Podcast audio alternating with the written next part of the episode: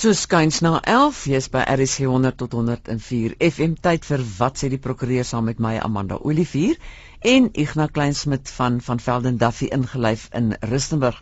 Goeiedag Ignas.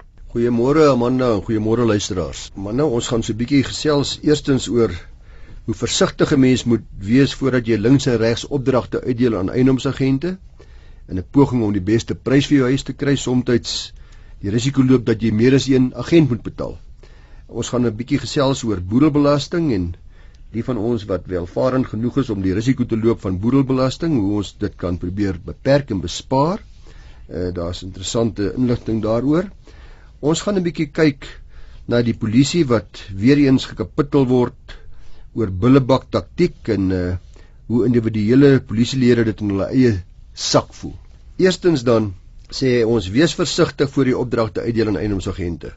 Nou ag so baie van ons is al deur die proses om te poog om ons vaste eiendom te verkoop vir die beste moontlike koopprys. Ons wil graag so 'n bietjie meer hê as wat eintlik markwaarde is en is baie keer in situasies soos hierdie dat 'n verkoper wat baie keer na baie vriendelik en 'n baie oulike buurman lyk of baie keer baie gaaf is in baie opsigte skielik die rol inneem van 'n uh, diktator en aan elke gewillige eiendomsagent bevele gee om asseblief van sy huis te probeer ontslaa raak teen die hoogste moontlike koopprys. En dan heel dikwels sonder om seker te maak dat elkeen van hierdie agente hulle mandaat baie goed begryp.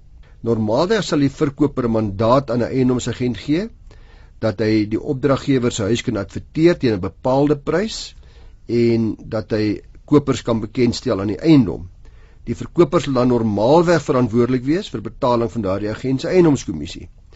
Nou in die appelhofsaak van Wakefield's Real Estate versus Etri, dis 'n 2011 saak, was die vraag voor die hof die volgende: Indien 'n eiendomsagent 'n moontlike koper aan die eiendom bekend gestel het, maar die koop van die eiendom word deur 'n ander eiendomsagent afgehandel, wat gebeur dan? Sal die eerste eiendomsagent uh die effektiewe oorsaak van die koop wees en is hy geregtig op kommissie of is die persoon wat dan die transaksie uiteindelik gefinaliseer het, die tweede eiendomsagent is hy geregtig op kommissie. Nou die verkoper, die meneer Etri en sy vrou was in die proses om vir hulle 'n nuwe huis te bou aan die buitewyke van Durban en 'n eiendomsagent genaamd Kruik van Wakefield Eiendomme het hulle toe genader en gevra of hy asseblief ook dan vir hulle koper kan kry. Op daai stadium was die Atreus nog nie doodseker of hulle wou verkoop uh, nie, maar sê toe maar vir kry ja, kyk maar uh, of jy koper kan kry. Ons lys die huis teen 'n koopprys van 3.775.000 rand. En gedurende die somermaande van 2005 het uh, die Howards vir Walker ook 'n eiendomsagent van Wakefield Eiendomme ontmoet by 'n sosiale geleentheid. Walker het toe die Howards bekend gestel aan die huis van die Etries. Nou op daardie tydstip was die Etries egter self nie by die huis nie en die bediende het hulle ingelaat. So die Howards was baie verlief op hierdie eiendom. Uh daar was egter 'n bietjie finansiële dinge wat eers moes reggestel word en hulle sê toe vir Walker man hierdie kooppryse is heeltemal te hoog. Mevrou Howard het kort nadat sy die huis van die Etries gesien het, 'n vriendin ontmoet wat 'n eiendomsagent is by Pam Golding, 'n ene Marie. En mevrou Howard het daartoe vertel van die Etries huis, hoe baie sy daarvan hou, maar dat sy nou nie finansiëel op die oomblik in staat is om die huis te koop nie, want die pryse is net te hoog vir hulle. Nou kan jy klaar sien wat kom, is nou al klaar twee agentskappe betrokke. Gedurende April 2005 het die Etries toe 'n finaal besluit, hulle wil maar verkoop en hulle is toe geadviseer deur 'n uh, eiendomsagent van Remax ene Hamilton dat hulle liewers hulle prys moet verminder na 3.495.000 rand wat hulle toe gedoen het. Uh en hulle gee toe aan Remix alleen mandaat om die eiendom te verkoop. Uh ten spyte hiervan het meneer Etri ook twee ander agente gekontak raak in die verkoop van sy huis. Een van die ander agente was die einste vriendin van mevrou Howards, ook die Marie van Pam Golding. Marie onthou toe oog, ek het 'n koper. Mevrou Howards het mos gesê sy hou baie van die huis en Marie maak toe aanbod om die huis te koop vir 3,4 miljoen rand namens uh die dame Howard. Nou Etris uh, het die aanbod toe aanvaar. Harat Marie gesê het ook dat sy sal 'n verminderde kommissie aanvaar om dit meer ekonomies vatbaar vir albei partye te maak. Uh en hierdie verminderde kommissie moes sy toe deel met Remax wat alleen agentskap gehad het, sal u onthou, alleen mandaat gehad het om die huis te verkoop. Goed. Die huis is toe verkoop aan mevrou Howard. Verminderde kommissie is gevorder en uh toe kom die probleem nou uiteindelik in dat Marie van Pam Golding het natuurlik toe nou beweer dat sy die effektiewe oorsaak van die verkoop van die huis was aan die Howards. Die Hooggeregshof het hiermee saamgestem en die eis van Wakefield eiendomme wat nou intussen gedagvaar het vir hulle kommissie want onthou reg in die begin was hulle betrokke geweest en hulle het die huis voorgestel. So hulle was die agent wat die eerste keer die huis voorgestel correct, het aan die ja, kliënt. Korrek, ja. Hulle vra dan ook vir hulle kommissie en uh die Hooggeregshof sê nee nee nee, die eis van Wakefield word van die hand gewys en uh hulle staan wel verlof tot appel toe na die appelhof toe. Die appelhof moes toe beslis of Walker van Wakefield eiendom is 'n bekendstelling van mevrou Howard. Die aanvanklike bekendstelling aan die Etrie se huis, die effektiewe oorsaak was wat gelei het tot die koop van die huis deur die Howards. Die appelhof beslis dat indien Walker nie reg aan die begin die Howards bekend gestel het aan die huis van die Etries nie, dan sou die Howards nie eens bewus gewees het van die bestaan van die huis nie. Uh soos amper 'n sine qua non daarvoor en die appelhof het verder gesê dat dit Walker se wysheid en besigheidsinsig was wat daartoe gelei het dat die Howards aan hierdie huis bekend gestel het. Indien Walker dit nie gewys het nie, sou dit nie verkoop word het aan die Howards deur Pam Golding nie. Marie sou dan nie geweet het van die Howards dat hulle van die huis hou nie, want hulle sou dit nooit gesien het nie. So dit alles is Walker wat die effektiewe oorsaak was. Die appelhof het gesê dat Marie gesaai het waar sy nie self gemaai het nie en uh dat die eerste bekendstelling dus van die huis die effektiewe oorsaak van die verkoping was en ten slotte sê die appelhof dat die feit dat die Etries verantwoordelik is vir die betaling van meer as een eiendomsagent is uitsluitlik te dank aan hulle eie toedoen. Daarom luisteraars, wees versigtig wie opdrag gee om huis te verkoop. In hierdie geval dus moes die uh Etries toe nou volgens die kontrak die kommissie betaal aan die aan die Marie en volgens die hofbevel ook die verdere kommissie betaal aan Wakefield eiendomme. Ek dink die belangrike ding is om te onthou watter agent ook al die huis aan jou bekend gestel het. Jy moet oop kaarte speel. Ek kry dit dikwels dat eh uh, die een agent het die huis bekend gestel, die tweede agent kom met 'n plan wat die finansiering bietjie meer draaglik maak en terwyl die verkoper deeglik bewus daarvan is dat die bekendstelling plaasgevind het deur die eerste agent, pas dit om beter om met die tweede agent besigheid te doen en dan val 'n mens tussen die twee stoele deur. Presies soos wat uh, hier in hierdie geval op op ander feite nou ook kan gebeur. Dit kan jou duur te staan kom. Absoluut so. Baie dankie Ignas.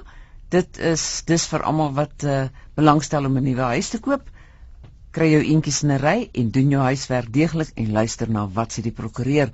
Ons hou jou ingelig en die man wat al die kennis het is Ignas Kleinsmid van van Velden Duffy ingelyf in Rustenburg. Dis wat is die onderwerp van bespreking in deel 2?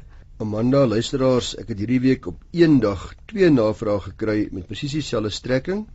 Dis vanaf anoniem in Pretoria as ook 'n uh, Joanita van Centurion. En uh, alhoewel Amanda nou sê die man met al die kennis, uh, het ek dikwels nodig om maar ander mense se kennis ook in te win, soos in hierdie geval as ek gehelp deur ander mense daar in ons kantoor wat vir my bietjie meer weer geleer het oor boedelbelasting en hoe dit werk.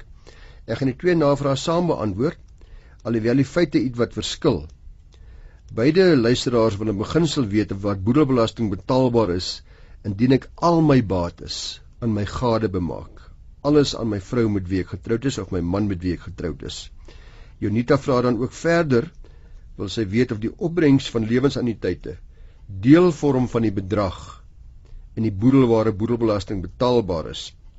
In 'n geval is sy en die kinders blykbaar die begunstigdes van haar ma se lewens van haar man, ekskuus, se lewensanniteite. Nou luister as tans ontvang elkeen van ons by ons afsterwe 'n korting van 3,5 miljoen rand waarop geen boedelbelasting betaalbaar is nie. Dit beteken is in feite dat indien u boedel 'n netto waarde het, randwaarde van 3,5 miljoen rand of minder, daar geen boedelbelasting betaalbaar is nie. Terwyl daar 20% betaal word op die bedrag waarmee die netto waarde van u boedel die 3,5 miljoen rand oorskry. Maar dit is baie belangrik vir albei luisteraars om daarvan kennis te neem dat vir doeleindes van boedelbelasting netto bates beteken dat dit die totale waarde van die boedel is minus die bates wat aan die langslewende man of vrou bemaak word. Net wel die totale bates minus die bates wat aan die langslewende man of vrou bemaak word. So dit beteken dis 'n boedelbelasting word nie bereken op die bates wat ek aan my gade bemaak het nie. So dis die vraag wat hulle albei vra of boedelbelasting betaalbaar is indien ek al my bates aan my gade bemaak. Anoniem is korrek as hy sê dat indien 'n man al sy bates nabemaak, dan sal daar geen boedelbelasting in sy boedel betaalbaar wees nie, want boedelbelasting word nie bereken op daai bedrag wat aan haar bemaak is nie. Verder is dit ook so dat die boedelbelastingkorting, dis nie 3,5 miljoen rand wat die oorledene se boedel dus nie gebruik nie, verhoog sal word tot 'n maksimum van 7 miljoen rand in die langslewende gade se boedel. Soos dit altyd maar is, lag die ontvanger altyd die laaste waarskynlik ook die lekkerste, want uiteindelik haal die boedelbelasting jou wel maar in. Aan die ander woorde, ek het argumentsontalwe 6 miljoen rand se bates. Ek bemaak alles aan my gade ek gaan geen boedelbelasting betaal by my afsterwe nie, maar daai 6 miljoen rand intussen laat nou 10 miljoen rand geword 10 jaar later as my gade tot sterwe kom, dan gaan sy op alles bo 7 miljoen rand boedelbelasting betaal. Dis die effek daarvan. Let wel, dis op die basis dat die totale boedel van die persoon wat dan laaste te sterwe kom 7 miljoen rand oorskry. En hierdie perk word daarom van tyd tot tyd aangepas deur die regering. Nou om die tweede vraag van Efunita met betrekking tot lewensanniteite te beantwoord, kan ek meld dat anniteite geensins in ag geneem word ook vir boedelbelastingdoeleindes nie. Alle voordele uit 'n aftreefonds is aan boedelbelasting kwytgeskeld, vrygestel en dit sluit ook dan in lewensanniteite. Sy meld dat sy en die kinders begunstigdes is. Dit maak nie regtig saak nie want dit is steeds vrygestel van boedelbelasting. 'n Ander voordeel met betrekking tot 'n lewensanniteit, net soos by lewenspolisse waar begunstigdes benoem is, is dat die voordele gewoonlik direk aan die begunstigdes of die afhanklikes dan betaal word en word 'n normale 3,5 persent eksekuteursgelde ook dus nie daarop gehef nie. Dit val buite die boedel. Nou ek wil weer opnuut beklemtoon luisteraars dat boedelbeplanning vir die van ons wie se boedels aan die groei is, regtig baie belangrik is. Ons kan regtig groot boedelbelastingbesparing teweegbring op 'n wettige manier as ons dit so vroeg as moontlik doen. So jong entrepreneurs en jong professionele persone, selfs die van u wat wie goeie salarisse en inkomste verdien, uh, moet liewer so gou as moontlik 'n prokureur gaan sien wie spesialiseer in boedelbeplanning, want as mens vroegtydig aandag daaraan gee, dan kan daar op geldige wettige wyse heelwat belasting vermy word. Volgende saak wat ek baie interessant gevind het en ek hoop u gaan saam met my stem, is die geval van 'n meneer Roumer wat op 17 Oktober 2007 drie mense geskiet het waarvan een oorlede is in Port Elizabeth. Die saak is die staat versus Roumer Dis 'n 2011 appelhofsaak. Die gepasheid al dan nie van die vonnis is hier die belangrike deel van hierdie saak en nie regtig die feite nie. En daarom gaan ek baie kortliks daarmee handel. Maar meneer Roumer se mediese rekords het bewys dat hy sielkundig onstabiel was. Hy is deur die kliniek 6 jaar voor die voorval reeds gediagnoseer met wat uh, genoem word in die hof adjustment disorder en in 2007 het hy na Port Elizabeth verhuis waar hy saam met sy seun gewoon het. Die seun het dan ook getuig in die saak dat sy pa stadig maar seker agteruit gegaan het. Hy sy, sy pa sê hy het gereeld nagmerries gekry vir weke lank in die bed gebly. Dit het so erg geraak later en dat sy pa versoek het om liewers te by ander mense te gaan woon, 'n ander familielid in Sardinia Bay, want hy kon nie meer hierdie agteruitgang in die gesig staar nie, was hom te erg. Meer Roumer het toe na die skietvoorval nadat hy nou die drie mense geskiet het, onskuldig gepleit en 'n verweer van outomatisme geopper. Die Engelse gewyste verwys na sane automatism. Hierdie verweer kan gebruik word luisteraars deur persone wat 'n misdaad pleeg maar nie werklik bewus is van wat om hulle aangaan nie.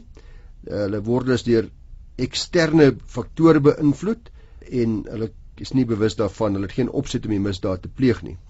'n kliniese sielkundige het getuig dat meneer Roumer se gedrag as gevolg van antidepressante medikasie was wat hy dan geneem het tesame met slaappille. Hy het ook getuig dat die antidepressante voorgeskryf was omdat meneer Roumer aan depressie gely het uh nadat hy sy vrou met haar minnaar in die bed gevang het en die voorval het dan ook sy huwelik beëindig. Nou die sielkundige het verder getuig dat meneer Roumer beslis nie normaal opgetree het nie en dat hy nie bewus was van sy handelinge nie. Die staat daarteenoor het geargumenteer dat meneer Roumer nog steeds deur spits verkeer kom bestuur na die voorval, dat hy nie een keer die reëls van die pad oortree het nie, dat hy soos 'n normale motoris opgetree het en daarna ook nog probeer het om die polisie te ontduik. Hulle het probeer bewys dat meneer Roumer geheel en al bewus was van sy handelinge dat hierdie verweer van uh, sy outomatisme glad nie water hou nie. Die Hooggeregshof bevind uiteindelik dat meneer Roumer beslis met verminderde verantwoordelikheid opgetree toe hy die skote afgevuur het. Uh, en as gevolg hiervan is hy gefonnis tot 10 jaar tronkstraf wat toe in geheel opgeskort was vir 5 jaar met 3 jaar korrektiewe toesig. So 10 jaar tronkstraf in geheel opgeskort vir 5 jaar en hy moet 3 jaar onder korrektiewe toesig bly. Die staat het geappeleer teen hierdie beslissing en geargumenteer dat dit skokkend onvanpas was, die vonnis dat dit heeltemal te lig was en aggenome die erns van die misdaad, let wel hy 3 mense geskiet, een is oorlede en dat die regter gefaal het in sy pligte deur te veel aandag te skenk aan meneer Roumer se persoonlike omstandighede en nie gefokus het op die erns van die misdaad en die belange van die gemeenskap en die slagoffers wat hierdeur geraak was nie. Die Hoogste Hof van Appel het nie met die staat saamgestem nie. Die regter het beslis dat meneer Romer se vonnis nie te lig was nie. Die hof verwys onder andere na 'n baie bekende uitspraak van Staat versus R waarin regter Kriegler uitgewys het dat die strafproseswet bedoel om te onderskei tussen twee tipes misdadigers die wat die van die gemeenskap verwyder moet word en die wat wel gestraf moet word maar nie noodwendig verwyder moet word van die gemeenskap nie die appelle was 'n mening dat meer romer onder die laaste kategorie van beskuldigdes val van misdadigers val en die hof het beslis dat die hogeregshof dus nie foutief was nie en dat die vonnis soos deur hulle gegee in orde is. In hierdie geval het die hof dan ook gesê dat dit nie skuld uitgesluit nie uh dit het wel verminderde toerekeningsvatbaarheid daar gestel. Syn automatism. Gaan Google dit gerus en uh, kyk 'n bietjie wat dit alles behels. Baie welkom indien jy so pas by ons aangesluit het hier by RC 100 tot 104 FM. Ook welkom indien jy via die internet na ons luister by www.rsg.co.za dan is jy net betyds vir ons slotgedeelte van vandag se wat sê die prokureur ons regsprogram en oudergewoonte is Ignas Kleinsmid van van Velden Duffy ingelyf in Rustenburg aan die woord. Dankie Amanda, ek het 'n uh, geruime tyd gelede baie kortliks verwys na 'n geval waar SAP lede uit hulle eie sakke regskoste moes betaal omdat hulle sonder goeie rede nie aan 'n persoon borg wou verleen nie. Nou ek het talle talle navrae gekry waarin mense versoek dat ek meer inligting moet gee dat dat ek hierdie saak meer volledig moet hanteer onder andere ook van individuele SAP lede van ek het een gekry van 'n uh polisie offisier wat sê hy is by menslike hulpbronne van die uh SAP en ek dink tog in die lig daarvan gaan ek hierdie saak weer hanteer maar 'n bietjie meer volledig. Dit handel met polisie wat gekapittel is deur die hof oor hulle billebak taktiek en gesê het individuele polisielede moet moet dit aan hulle eie sak voel. En die verwysing gaan ek maar vir die volledig gee want dit is blykbaar 'n uh, navraag wat almal baie graag wil die antwoord op hê. Dis die saak van Kutse versus die nasionale kommissaris van polisie en ander. Dit was aanvanklik toe ek dit nog bespreek het nie gerapporteer nie. Die saak nommer was 70259 van 2009 en dis wel toe later gerapporteer iewers in 2010 met die verwysing ZAG PPHC 155 2010 ZAG PPHC 155 Kutse versus die nasionale kommissaris van polisie In hierdie saak was daar 'n dringende aansoek gebring deur 'n gearresteerde meneer Kutse dat hy onmiddellik vrygelaat moet word in terme van sy gemeenregtelike regte aangesien hy in onregmatige arrest aangehou was. Die applikant het deur middel van sy prokureur 'n uh, eetsverklaring geleeseer voor waarnemende regter Du Plessis gedurende 'n Sondag aand, dis op 15 November 2009, waarin hy aantoon dat hy die ondersoekbeampte om borg gevra het maar dat hierdie beampte geweier het om borgenoem te gee en ook nie wou sê waarom borg geweier word nie. Dis onbillik op 'n onbillike wyse om 'n aanhouding gehou het. Baie laat die Sondag aand verleen regter Du Plessis tussentydse bevel, ook onder andere die naam van die ondersoekbeampte van die Pretoria Wes Polisiestasie wat op diens was die aand van 15 November word deur die hof beveel uh en ook die stasiebevoerder dat hulle redes moet gee waarom nie persoonlik aanspreeklik gehou moet word vir die kostes van hierdie dringende aansoek nie en die hof beveel dan ook dat die applikant dadelik vrygelaat moet word. Die feite van die arrest self luisteraars was kortliks op meneer Kutse en sy vrou as ook hulle seun en sy vriendin Hartbeespoort dam besoek het. Op pad terug het iemand vir hulle bedui hulle moet stilhou. Meneer Kutse was eh, bekommerd geweest, hy was nie oortuig daarvan dat dit 'n verkeersman of 'n polisie lid was nie. Hy het besluit om aan te hou ry Die metropolisie het hom toe gevolg en aangedui dat hy van die pad af moet trek. Hy het toe vir hulle probeer bedui dat hulle moet saam met hom ry tot by die naaste polisiestasie waar hy veiliger sou voel. Die koetsiers was bang dat hulle bedrieërs was en uh nie werklike polisiemanne nie. By een van die robotte het hulle ook byvoorbeeld gesien dat een van die polisiemanne met 'n pepersproei kannetjie hulle voertuig genader het. Hy het gevolglik die rooi robot geïgnoreer as gevolg van vrees vir 'n aanval en uh dit het nou ook gelei tot die klag van roekelose bestuur wat teen hom aanhangig gemaak is. Uiteindelik ongeveer 4 tot 6 voertuie van die metropolisie het hom gevolg en hom van die pad af getrek. Uh die deur van sy voertuig oopgemaak om met geweld uitgepluk, arm agter sy rug gedraai ensovoorts. Hy was meegedeel hy word gearresteer, daar was nie volgens sy hoekom nie en hy was toegeneem na die Pretoria Wes polisiestasie waar hy aangehou is. Die regsverteenwoordigers van die kommissaris van polisie is ook die individuele polisielede argumenteer dat die arrest heeltemal wettig en regmatig was.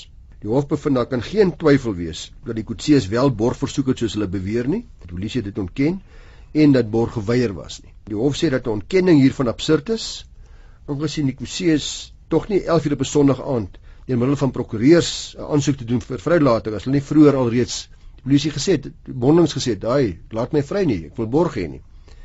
Uh, dis hoogs onwaarskynlik en word uh, die polisiemanne se weergawe dus as onwaar bestempel. Die hof spreek ook sy ontevredenheid uit oor die wyse waarop die lede van die SAP nie ten volle openhartig was met die hof nie en dat uh, hulle ontkennings wat geen sin gemaak het nie en dat dit hele manier wat hulle die ding hanteer het onhoudbaar was en so ver gesog was dat dit eintlik as direkte leuns verwerp kan word. Wat belangrik is, is dat die hof sê dat daar baie streng gewaak moet word oor burgers se reg van persoonlike vryheid wat nie onnodig aangetast word nie en dat die van ons wat dink ons kan maak wat ons wil bloot omdat ons toepassingsmagte aan hulle kant het dat uh, hulle tereggewys moet word. En hier praat hulle nou van die SAP of die metropolisie spesifiek en dat hulle weerhou daarvan moet word om 'n baasspelerige houding te openbaar. Die mag van die reg om uh, die, die rule of law af te dwing uh, en sodoende die publiek te beskerm uh, moet sulke beamptes wat dit nie wil doen nie met mening tref sê waarnemende regter Du Plessis. Ek beklemtoon dat die verkieslike metode om enige burger voor 'n hof te bring is deur middel van 'n dagvaring sê hy en as dit moontlik is om dit te doen sonder om 'n persoon van sy persoonlike vryheid te ontneem dan moet dit gedoen word. Nou moet daar geen aantasting van hierdie reg wees nie Die risiko dat 'n verdagte sal vlug of 'n verdere misdaad sal pleeg of nie sy of haar verhoor sal bywoon by 'n volgende geleentheid nie, moet uiteraard oorweeg word. Arrest sonder 'n rasionele redelike basis daarvoor, soos in hierdie geval, uh, sê die hof moet vermy word. Die hof sê dit maak nie saak hoe ernstig die beweerde kriminele oortreding mag wees nie. Die verdagte persoon word steeds onskuldig geag en sy reg op vryheid en waardigheid en op billike behandeling moet te alle tye gehandhaaf word. Die hof kom dus tot die gevolgtrekking dat die arrestasie in hierdie geval beslis onregmatig was. Dit sluit ook in die aanhouding in die selle in die Pretoria Wes Polisiestasie. Die hof wys sy misnoem met die optrede van die polisie uit deurdat hy sê dat die individuele lede self verantwoordelikheid moet aanvaar vir die kostes van die applikant en beveel die stasiebevelvoerder van die Pretoria Wes Polisiestasie, senior superintendent Moodley, Superintendent Klopper van die Pretoria Wespolisiestasie, kaptein Slasio van die Pretoria Wespolisiestasie, inspekteur De Lubu van dieselfde polisiestasie, die Tshwane Metropolisie konstabel Frans Musa Sivaye, almal saam om die kostes te betaal op die hoogste skaal, naamlik 'n prokureur en eie kliëntskaal. Let wel luisteraars, dit sit ook in die kostes van die eerste twee respondente, wie onder andere die nasionale kommissaris van polisie was. Die hof sê slegs as hierdie klomp polismanne self nie daai kostes kan betaal nie, nie hulle eie sak uit kan betaal nie, eers dan kan daar gekyk word na die nasionale kommissaris van polisie om dan die kostes te betaal want hy wil seker maak dit word uit die applikante se eie sakke betaal. So luisteraars, mense kan maar net hoop dat die opleidingsbeamptes wie verantwoordelik is vir die opleiding van ons SAP en ons metropolisie deeglik kennis geneem het van hierdie uitspraak. Ek hoop dat die leiers in die in ons magte sal seker maak dat elke lid van die polisie hierdie saak onder oë neem dat hulle besef dat hulle eie sakke ook geraak kan word indien hulle onregmatiglik arresteer dat hulle baie goed verstaan wat die reëls is van toepassing op borgtog en die vryheid van persone wat nie onregmatiglik aangetast mag word nie en dat indien hulle baaspelerige houding het of dan 'n arrogante houding het soos die hof in hierdie geval ook uitgewys het dat hulle dan ten volle sal getref word met dieselfde soort van sanksie as wat die hof in hierdie geval toegepas het teen hulle. Dit laat 'n mens dink en ek moet sê mens raak maar bietjie benoud. Ek dink aan ons omroepers wat tot 1 in die nag werk en dan ja. dan ry jy alleen huis toe en dan is mens maar altyd benoud want wat jy doen is jy kyk maar na die robotte jy staan nie deeltyd by 'n rooi robot nie jy kyk maar as daar niks aankom nie dan ry jy en dan gaan 'n polisieman jou dalk stop en hardhandig hanteer. Nou ja ek neem kennis van wat jy vir my sê. En 'n ander ding man ons kinders word gereeld gekonfronteer met misdadigers na hulle uit kroë en in klubs uitstap en dan in die strate rond beweeg en uh, daar is ook al heelwat hofsaake waarvan hierdie mense hulle self voordoen as polisielede wat hulle wil kamerstig wil huis toe vat of beskerm. En ons as ouers het werklik 'n plig om seker te maak dat ons kinders vervoer het van sulke plekke af en op die regte plekke waar dit nog veilig is opgelaai word om te verseker dat hulle nie slagoffers word uh van misdaad nie. Dink 'n bietjie oor al hierdie dinge na. Ek is Amanda Olivier wat groet. My e-posadres is amanda@rsg.co.za en myne is Igna IGNA by vvd.co.za.